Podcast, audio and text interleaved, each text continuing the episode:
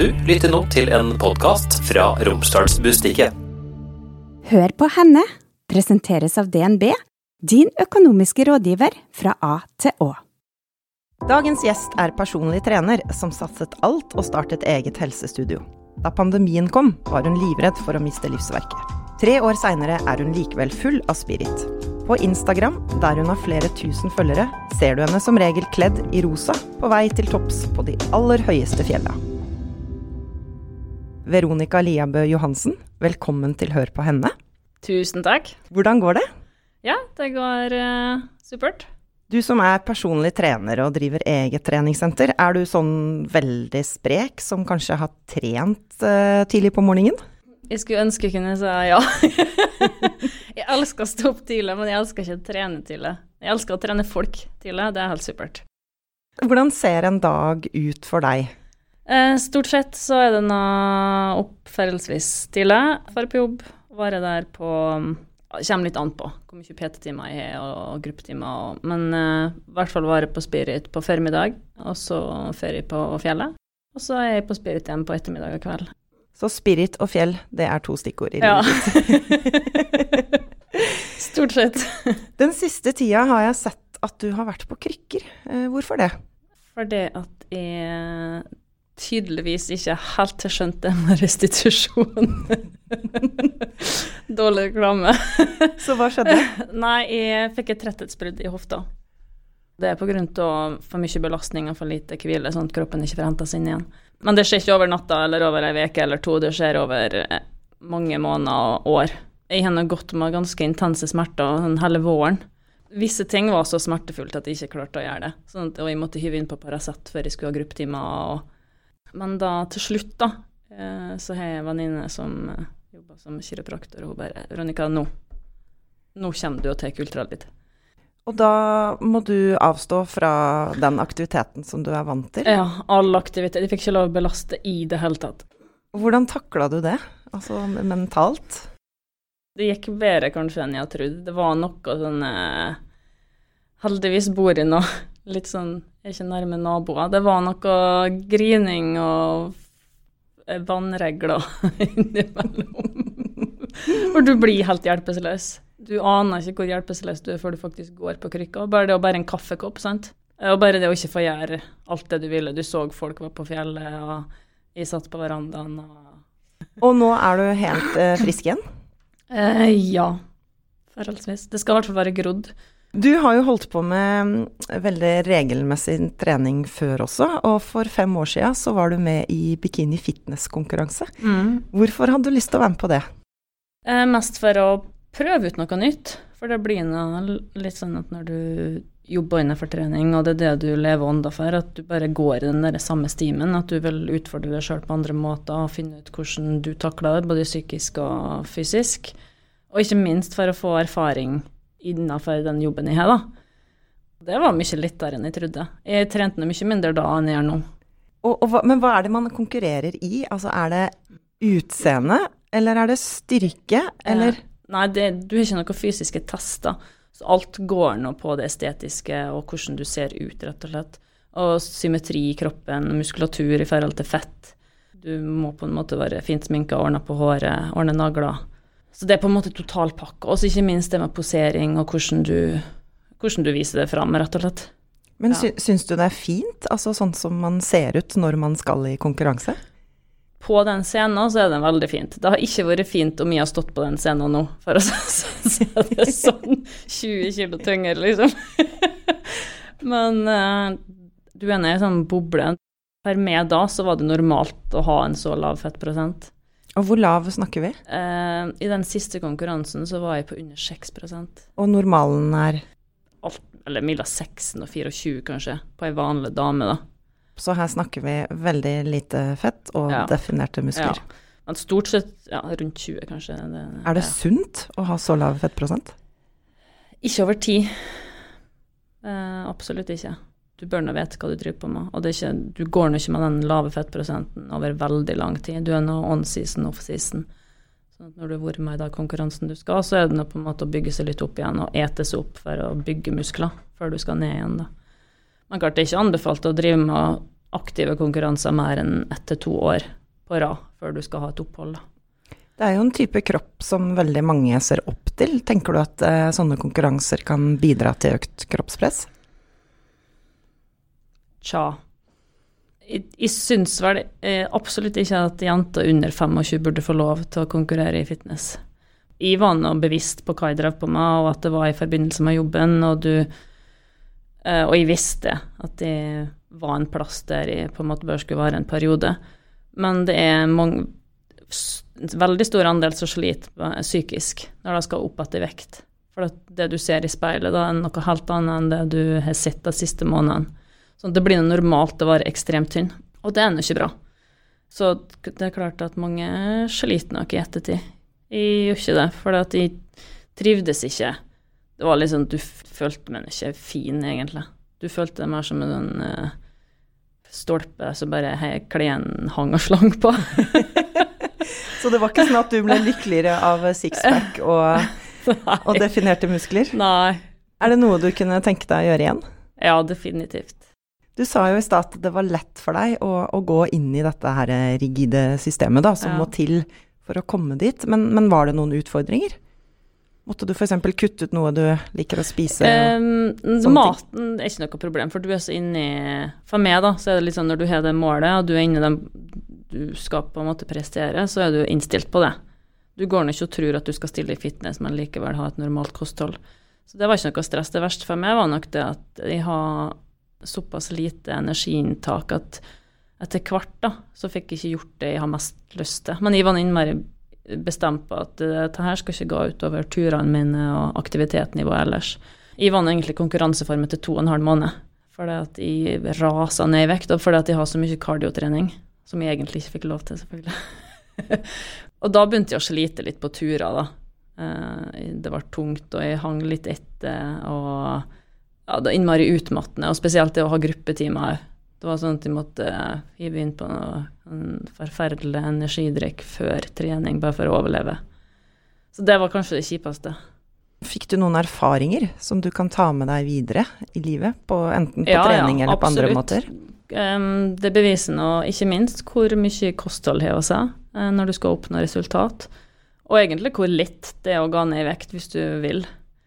Det er ikke sikkert det er alle som er enig i. Nei, det skjønner jeg. Men det, alt er mentalt. Eh, det er kun hodet ditt som vil ha sukker. Kroppen din trenger ikke sukker. så hvis du vil, så er det ikke noe problem. Alt går på vilje og hva du tenker sjøl.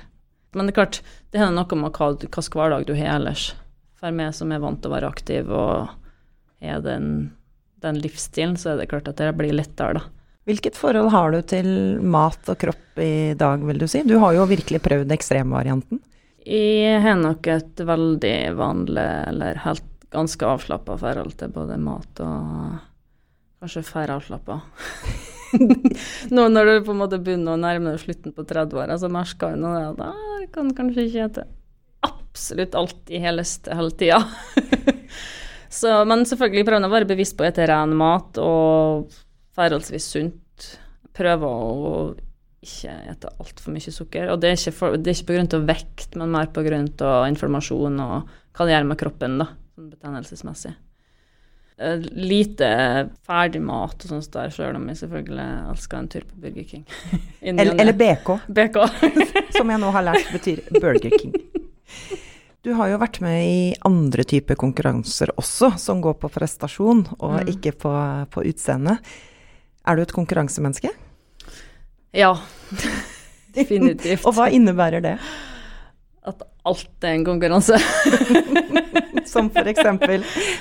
Nei, det kan være alt i, sånn, i hodet mitt så blir ting en konkurranse. Sånn, hvis de er på fjellet, f.eks. Hvis de går alene og jeg ser noen framom meg, så er det på en måte Ja, OK, ti minutter, da er jeg nådd igjen. Du har jo deltatt i um, det her er Molde sju topper ultravarianten. Mm. Eh, I hvert fall to ganger. Og hvordan er det? Altså, for det er jo 2700 høydemeter mm. og nærmere åtte timer på tur. Mm. Hvordan, hvordan, oppleves det? Igjen er vant til det. Å være lenge på tur og utsette kroppen min for mye høydemeter og distanse. Så det er egentlig helt greit. Jeg ser på det som ei god treningsøkt. Jeg er ikke med for at jeg tror at jeg skal vinne eller gjøre det kjempebra. Jeg er nå dobbelt så tung som alle andre damer som er med, så jeg har liksom ikke noe mål om å vinne. Men det å kunne prestere, fullføre, gjøre det bra for din egen del, da.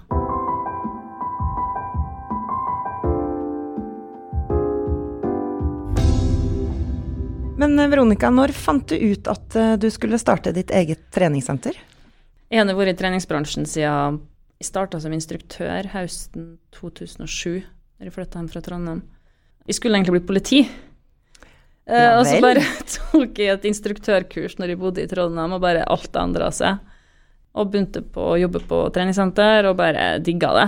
Eh, og etter hvert selvfølgelig så innser du nå det at dette her du har lyst til å drive på med, og du eh, kanskje ser ting du har lyst til å gjøre på din måte, og, og så bare skjedde det litt sånn gradvis. Men hvordan turte du, hvor, og hvor fikk du pengene fra? Nei, jeg har oppsparte middel, da, og selvfølgelig så har noe litt hjelp fra noen som er ja, investert i aksjer. Det var litt sånn for meg, da, så var det nå eller alder. Jeg var på en måte på topp i livet med energi og tid og pågangsmot og kun meg sjøl å tenke på. Pluss at jeg har utrolig mye gode, fine folk rundt meg som hjelper meg og sto på for at vi skulle få til dette her, da. Så det er ikke noe jeg har gjort alene. Definitivt ikke. Du har et team bak Ja, ja, ja. Så absolutt. Og når du da åpner dørene, hvordan vil du si at eh, starten var? Overveldende, men tøff. Og jeg husker mamma sa ja, du må nå ha med blomstervaser. Sånn. Jeg bare, blomstervaser? Hva i all verden jeg skal ha med blomstervaser, liksom? Men jeg skjønte da fullt det, når det bare rant på meg folk inn døren, og buketter og blomster i fleng, og jeg var i, Vet du hva, i huset mest ikke dagen, for at det var så overveldende. Eh, Jeg husker bare på kvelden, når klokka var elleve eller noe sånt, der, at jeg satt i sofaen der og bare var helt tom. Da jeg rundt meg for og vaska og rydda og gikk og jeg bare og ordna opp, og jeg bare satt der helt sånn eh, fjern. For jeg skjønte vel egentlig ikke hva som skjedde. Du nevnte at det også var en tøff start. På hvilken måte da?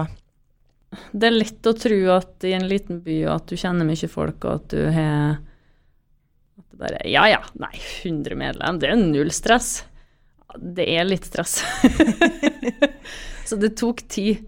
Slutta nå på en plass og starta opp eget, og at eh, kanskje noen har litt tanker rundt det. Og så er folk veldig sånn eh, har ikke lyst til å bryte vaner. Nei, jeg har trent her i 20 år, så da skal jeg vært, da kan jeg ikke bytte. Så jeg bare nei, får du gullklokke da, eller når du har trent her i 20 år? Du gjør ikke det. Så det tok litt tid. Men til slutt så ble det. Det blei det. Hva slags treningssenter var det du ville lage? Fokuset mitt har bestandig vært det med trivsel, da. At folk skal trives på trening. Jeg brenner for folkehelse, og at flest mulig skal trene og holde kroppen sin i gang. Jeg vil ikke bare ha en bunch med støttemedlem bare for at eh, jeg skal gjøre det bra. Jeg vil at folk skal komme på trening og faktisk ha et utbytte av det. Og trening skal ikke være noe sånn Jeg vil ikke at det skal være en negativ greie. Åh, jeg må på trening. Det skal være sånn Yes, jeg skal på trening. og det, det er på en måte målet mitt, at du skal ha en plass å komme til der du trives. Det er lystbetont, eh, og at det er en atmosfære som bare gjør at eh, du syns det er kjekt å være der. Jeg syns det er utrolig artig å motivere folk til å, til å bruke kroppen sin. Den er helt sjukt, men halvparten av Norges befolkning er overvektig eller fat. Og det er helt skremmende. Du har fått én kropp tildelt, og så bare velger du da å bare la den forfalle. Egentlig så er det eneste oppgaven med hele livet enn å holde den kroppen du har, ved like. Det er ingen andre som tar ansvar for det. Og selvfølgelig sier ikke det at alle skal være sylfider eller eh, avmagra, det er jeg ikke sjøl heller. Men, men det å ha en kropp som fungerer, da, som du trives i, ikke minst. Tenk på alle som går og klager og syns at jeg er i dårlig form, og syns at jeg er sånn og sånn og sånn, og har lukket i ryggen, og har lukket i nakken, og har lukket i kne, og lagt i skulder, sånn. Og det er så lett for folk, føler jeg, å bare tenke at nei, legen min må fikse det, eller nei, jeg må bare ha en sykemelding, eller nei, eh, jobben må gjøre sånn, eller Men det er kun du som kan gjøre noe med det, da. Og den tida du bruker på trening, det er så verdt det. Og mange tror at nei, du må bruke timevis hver uke, og nei, jeg har ikke tida til ditt og ikke tida til datt. Jo, alle har tida. Det er bullshit. 30 minutter noen ganger i veka intensiv trening. for å øke hjertekapasiteten og lungekapasiteten. Det har alle tida til. Og du har stort sett tida å gå på butikken og kjøpe sjokolade, eller sitte og se på fjernsyn, eller Og hvis det er så enkelt, hvorfor eh, gjør ikke alle det da? Nei, det har jeg lurt på mange ganger. Nei, jeg tror eh, folk gjør det for avansert, kanskje. Og så er det med noe ulik. Noen liker yoga, noen liker, liker å springe, noen liker høydemeter, noen liker styrketrening. Men at du må finne de greiene. Det er derfor jeg er så opptatt av trivsel. Det er derfor vi har mange ulike gruppetimer. Det er derfor vi kjører litt show og har det artig. Og, for at du, du merker nesten ikke at du trener. Men vi er sånn tåler ikke at ting er ubehagelig og redsel, og ting skal være altfor lettvint. da. Alt er litt, det er lettvint å gå og kjøpe en ferdig pizza, det er lettvint å droppe å trene, det er lettvint å sette seg i bilen i stedet for å gå. Når du er på butikken og, og handler, eh, hender det at eh, du møter folk som eh, snakker med deg om trening, eller kanskje kommer med en forklaring på hvorfor de ikke har vært på trening? Til en eller annen merkelig grunn så det, blir trening et tema uansett hva vi snakker om. Hvis det er en fredag, da, og mange det er noe øl og snop og potetgull og pizza, ferdig pizza og sånt der i korga, så har jeg veldig mange behov for å på en måte vekkforklare. Ja, nei, for besøk, sjø. Eller eh, nei, det, å, det, er bare, det er bare i dag. Og jeg, jeg, var, jeg, tenkte jeg skulle på trening i går, men jeg rakk det ikke. Men jeg kommer i morgen, altså. Jeg kommer neste uke. Eller eh, Jeg skal bli medlem. så jeg føler av og til Og hva, og hva sier sånn, du da? Nei, da sier jeg nå bare at uh, ja, du er hjertelig velkommen. Eller jeg bryr meg egentlig ikke sånn om hva folk et, og det er folk sitt eget valg, men uh, jeg oppfordrer folk veldig til å komme på trening. Prøv å ta det med et smil, i hvert fall. Tenker du over at du kan være et uh, forbilde for noen? Nei, det har jeg ikke tenkt på, men den det er lov å håpe. Hva slags forbilde vil du være da? Nei, forhåpentligvis et bra et. Bra et.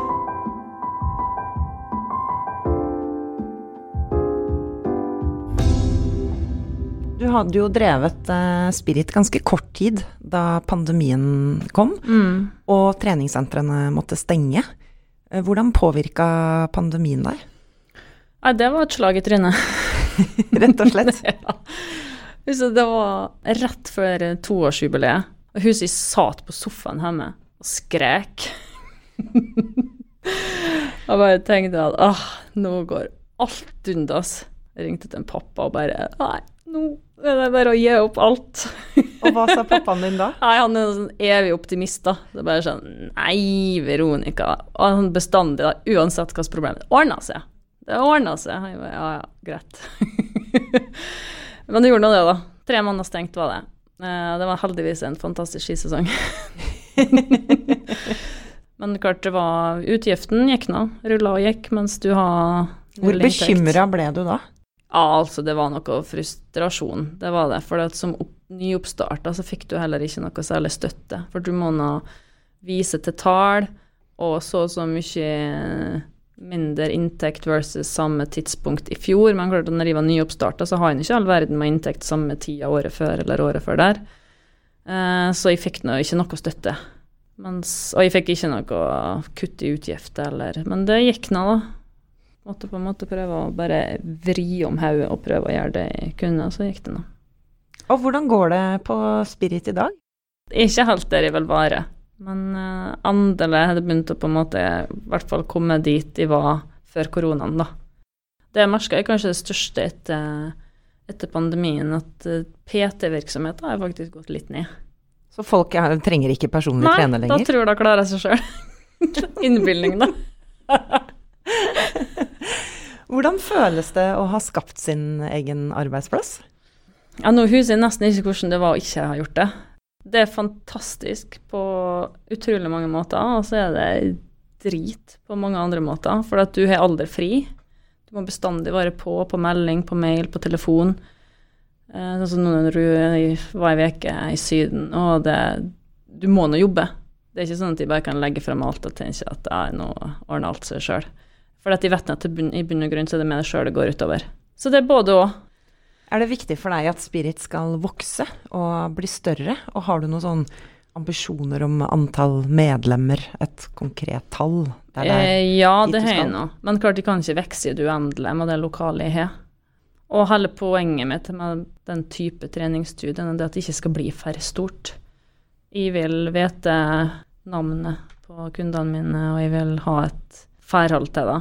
Eh, sånn at folk føler seg sett, og sånne ting som blir litt glemt, og du i et større treningsstudio har du plutselig flere tusen medlem, så har du ikke sjanse til å ha, ha den connection med kundene dine.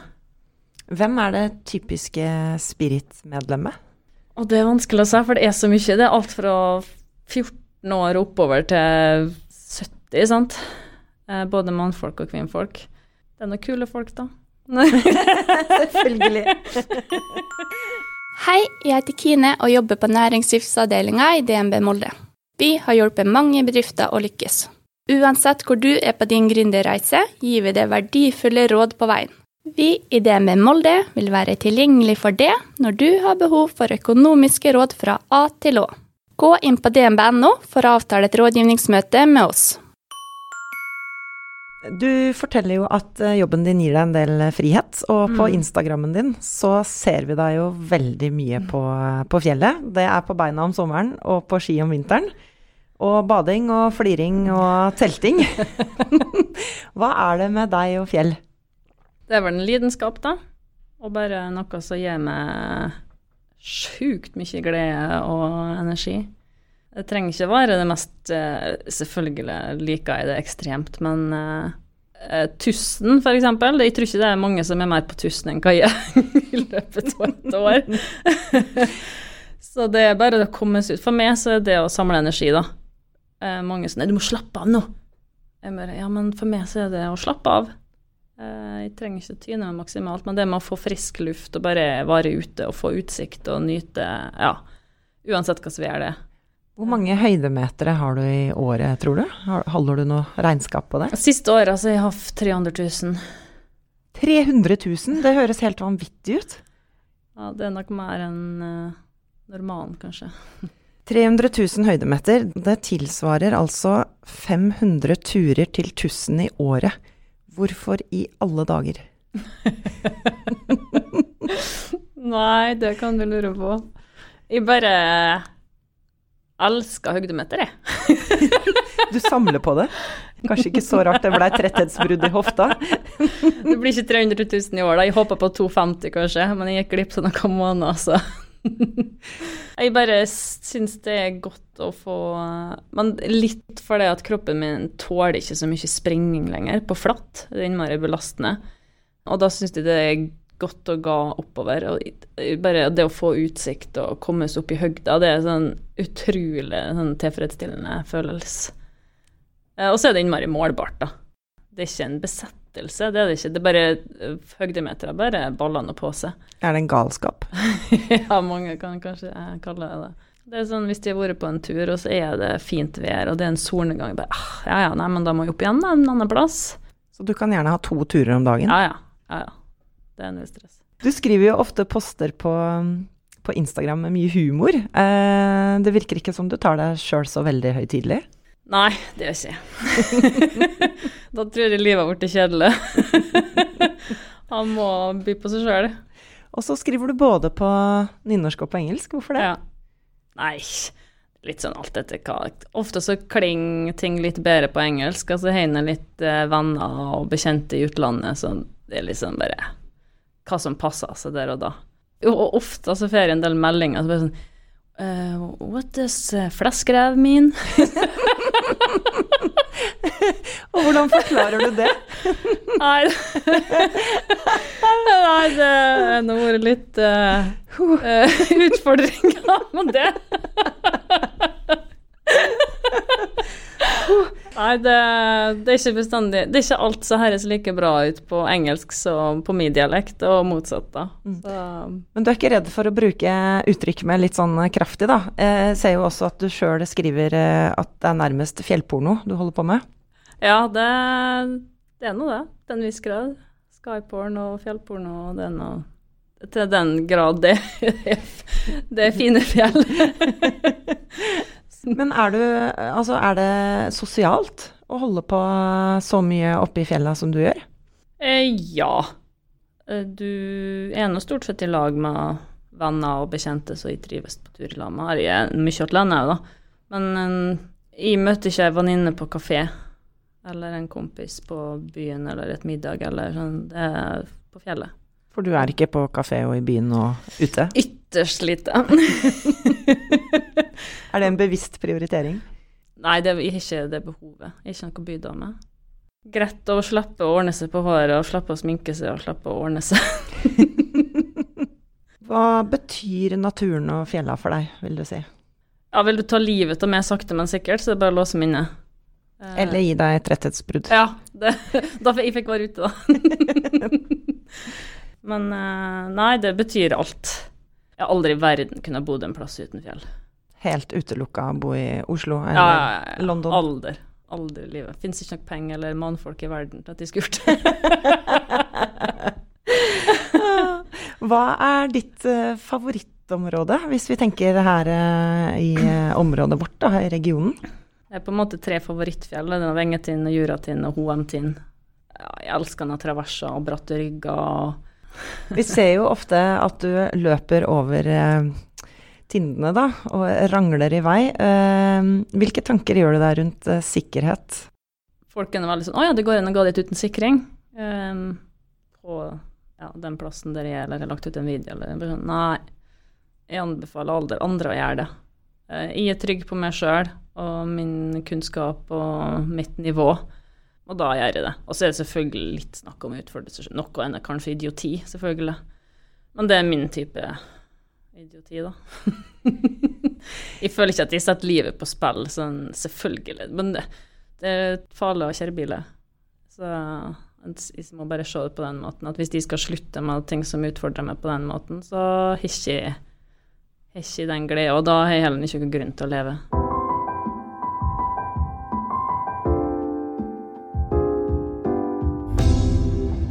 Veronica, du har jo valgt å bosette deg på landet, og ikke i byen. Eh, hvorfor det? Nei, en oppvekst på bygda, Og hvilken bygd eh, da Da er vi det snakk om Ista. Jeg har bestandig bodd der, bortsett fra det året i Trondheim. Og kjøpte meg hus, lite småbruk, som ung. Hvor gammel var jeg? 21? Kjøpte i lag med eksen min, da, men det var noe Ja. Rett sånn type 200 meter unna mamma og pappa. Jeg fra jeg var lita, så sa jeg at de skulle bygge hus i haien til mamma og pappa. Jeg har ikke bygd hus, men jeg har kjøpt et hus sånn nesten i haien, så nede som jeg kunne. Nei, bare trives uten å ha fullt av naboer og innsyn og kunne gjøre det jeg vil. Og så har jeg bestandig vært vant til at det, det er tre mil til Molde. Det tar en halvtime å kjøre. Gjør meg ingenting. Litt planlegging, bare. Å bo i byen, det Nei, det kommer jeg aldri til å gjøre, tror jeg. Er du litt sånn eh, einstøing? Ja, kanskje på mange måter, faktisk. Eh, Men det har nok litt med jobben min å gjøre, at jeg omgås mye folk og er egentlig veldig sosial. Men en lørdagskveld syns jeg det er helt fantastisk å bare sitte alene og ete og legge meg klokka ti. Skjønner du? Sånn. Og mange tur Jeg syns det er godt å gå på tur alene. Jeg har ikke noe behov Jeg kommer på tur eller på fjellet om jeg går til landet, eller Jeg, jeg må ikke ha noen. Mange er veldig sånn at de må ha noen å prate med, eller ha noen å gå i med, eller ha, ha folk rundt seg hele tida, men det er ikke i det hele tatt. Så ja, kanskje litt enstøing. Men jeg trives godt i mitt eget selskap. Jeg har nå de beste vitsene, så Og hva er, det, hva er det mer med bygda som gjør at du foretrekker bygd framfor by? Det er noe stille og rolig, da. Jeg trives med å ikke ha altfor mye folk rundt meg. Jeg har ikke, kunnet, jeg har ikke takla hatt naboen som kikka rett inn i staua mi, eller uh, kunne følge med på hva jeg gjorde på, på verandaen, eller Ja, for nå bor jeg helt for meg sjøl. Jeg har ikke noen folk rundt meg i det hele tatt. Far min har gardsbruken på Osmarska, og jeg syns det er kjekt å være der, holde på med ved og Eller holde på ute og styre med ting. Er du handy? Ja. Klarer det meste. Jeg syns jeg ser for meg et bilde av deg med ei slegge. Ja, det Det er det nok. ja da, jeg er jo heldig at jeg har ikke kunnet hatt spirit hvis det ikke var handy. Jeg klarer å slå til en spiker og rive ned en vegg eller ha til en skru sjøl, ja. Hvem er det som har lært deg det? Det er nok pappa.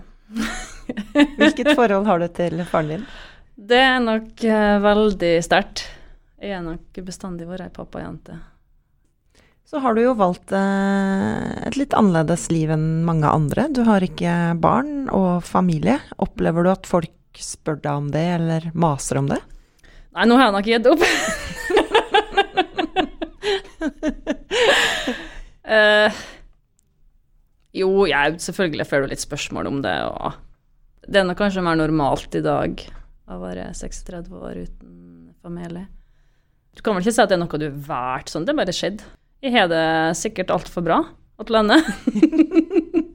så er det så mye bra folk rundt meg, har familie og har Uh, Sjøl om mamma sitt aller største ønske er å bli mormor, så må jeg nok uh, sikkert bare si at uh, sorry.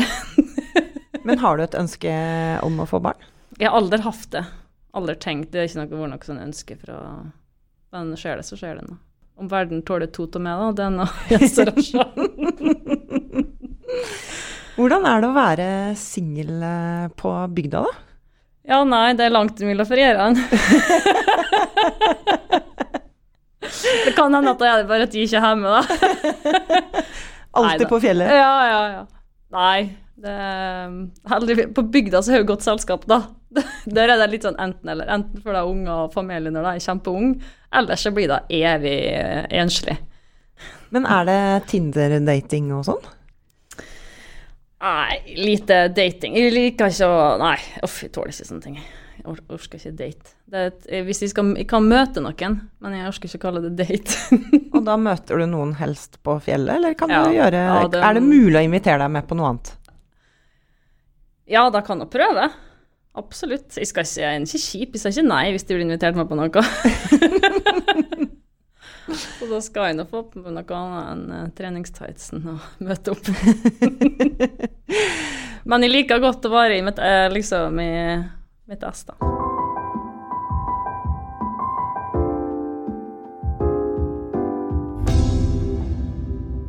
Tenkte vi skulle ta med oss litt sånn treningstips også, ja. Hvis det nå er noen som hører på, som sliter med å komme i gang med trening, hva er ditt eh, viktigste råd? Jeg tenker at eh, du må på en måte tenke hva positivt det gjør for deg, da. Alt trenger ikke å være så voldsomt. Mange er sånn at nei, det, du må kjøpe nytt treningsklær, nye treningsklær, og du må sånn og sånn, og du må bruke mye tid, og det, sånn er det ikke. Begynn med små turer, eller begynn med litt burpees på stuegulvet, eller bare kjenn på følelsen det gir deg, da. Eller book en PT-time. Da får du litt sånn øynene opp for hva det gjør for deg, for at du føler det så sjukt bra etterpå. Når du først har fått den følelsen, så har du ikke lyst til å gå glipp av den. Føler deg sterk, og du blir glad, da, ikke sant. Du føler så mye endorfiner og lykkehormon. Du er bestandig fornøyd etter ei god treningsøkt. Så, og det å kjenne at du har en velfungerende kropp. Og hvis du da klarer å komme i gang, hva er det viktigste rådet for å fortsette? Da er det å planlegge litt og ha en kontinuitet til det. Og sjøl om det er tunge, tøffe dager, og tenker at eh, det er bestandig bedre etterpå. Har du en kjip dag etter ei treningsøkt, så føler du bestandig bedre. Det er det ikke tvil om. Da er noen gruppetimer veldig eh, lurt. For da er du på en måte, Hvis du er booka på en time, så har du gjort en avtale, og du treffer folk som er gira, og du er positivt, og du flirer, og du har på en måte Det er god stemning. Hva er det viktigste livet har lært deg så langt? Har du noen råd som du kan tenke deg å gi videre? Det er nok litt å tenke at det er kun du som kan gjøre noe for deg sjøl. Det er ikke noen andre som sørger for at du har det bra, eller at du får til ting, eller Ja, du må ta ansvar for deg sjøl, og så tørre å satse litt. Har du noe du har lyst til, eller så ikke tenk at uh, du ikke klarer det. Det er i hvert fall en dum tanke. Er det en eh, kvinne du ser opp til, eller som har eh, betydd noe for deg i livet ditt? Bortsett fra mine nærmeste familie og venninner, så tror ikke at de har så mye forbilde, like sett, faktisk. Det har jeg egentlig aldri hatt. Jeg skulle ønske kanskje jeg burde ha det. jeg har en sang, så jeg bruker av og til, hvis jeg har en litt sånn kjip dag, eller bare ah, mye dritt, så bare skrur jeg på, vrenger opp volumet i bilen, og så har jeg på Girls Just Wanna Have Fun. Og da blir det god stemning. Da blir det god stemning. Veronica Liabø Johansen, tusen takk for at du var gjest i Hør på henne. Takk for at jeg fikk komme. Hør på henne er laget av Romsdals Bustikke. Produsenter er Stian Viken og Hanne Fleischer. Mitt navn er Vera Henriksen. Har du ris, ros eller innspill til gjester? Send meg en e-post på hennealfakrøll-r-b.no. Følg oss også gjerne på Instagram, så håper jeg vi høres snart. Hør på henne presenteres av DNB, din økonomiske rådgiver fra A til Å.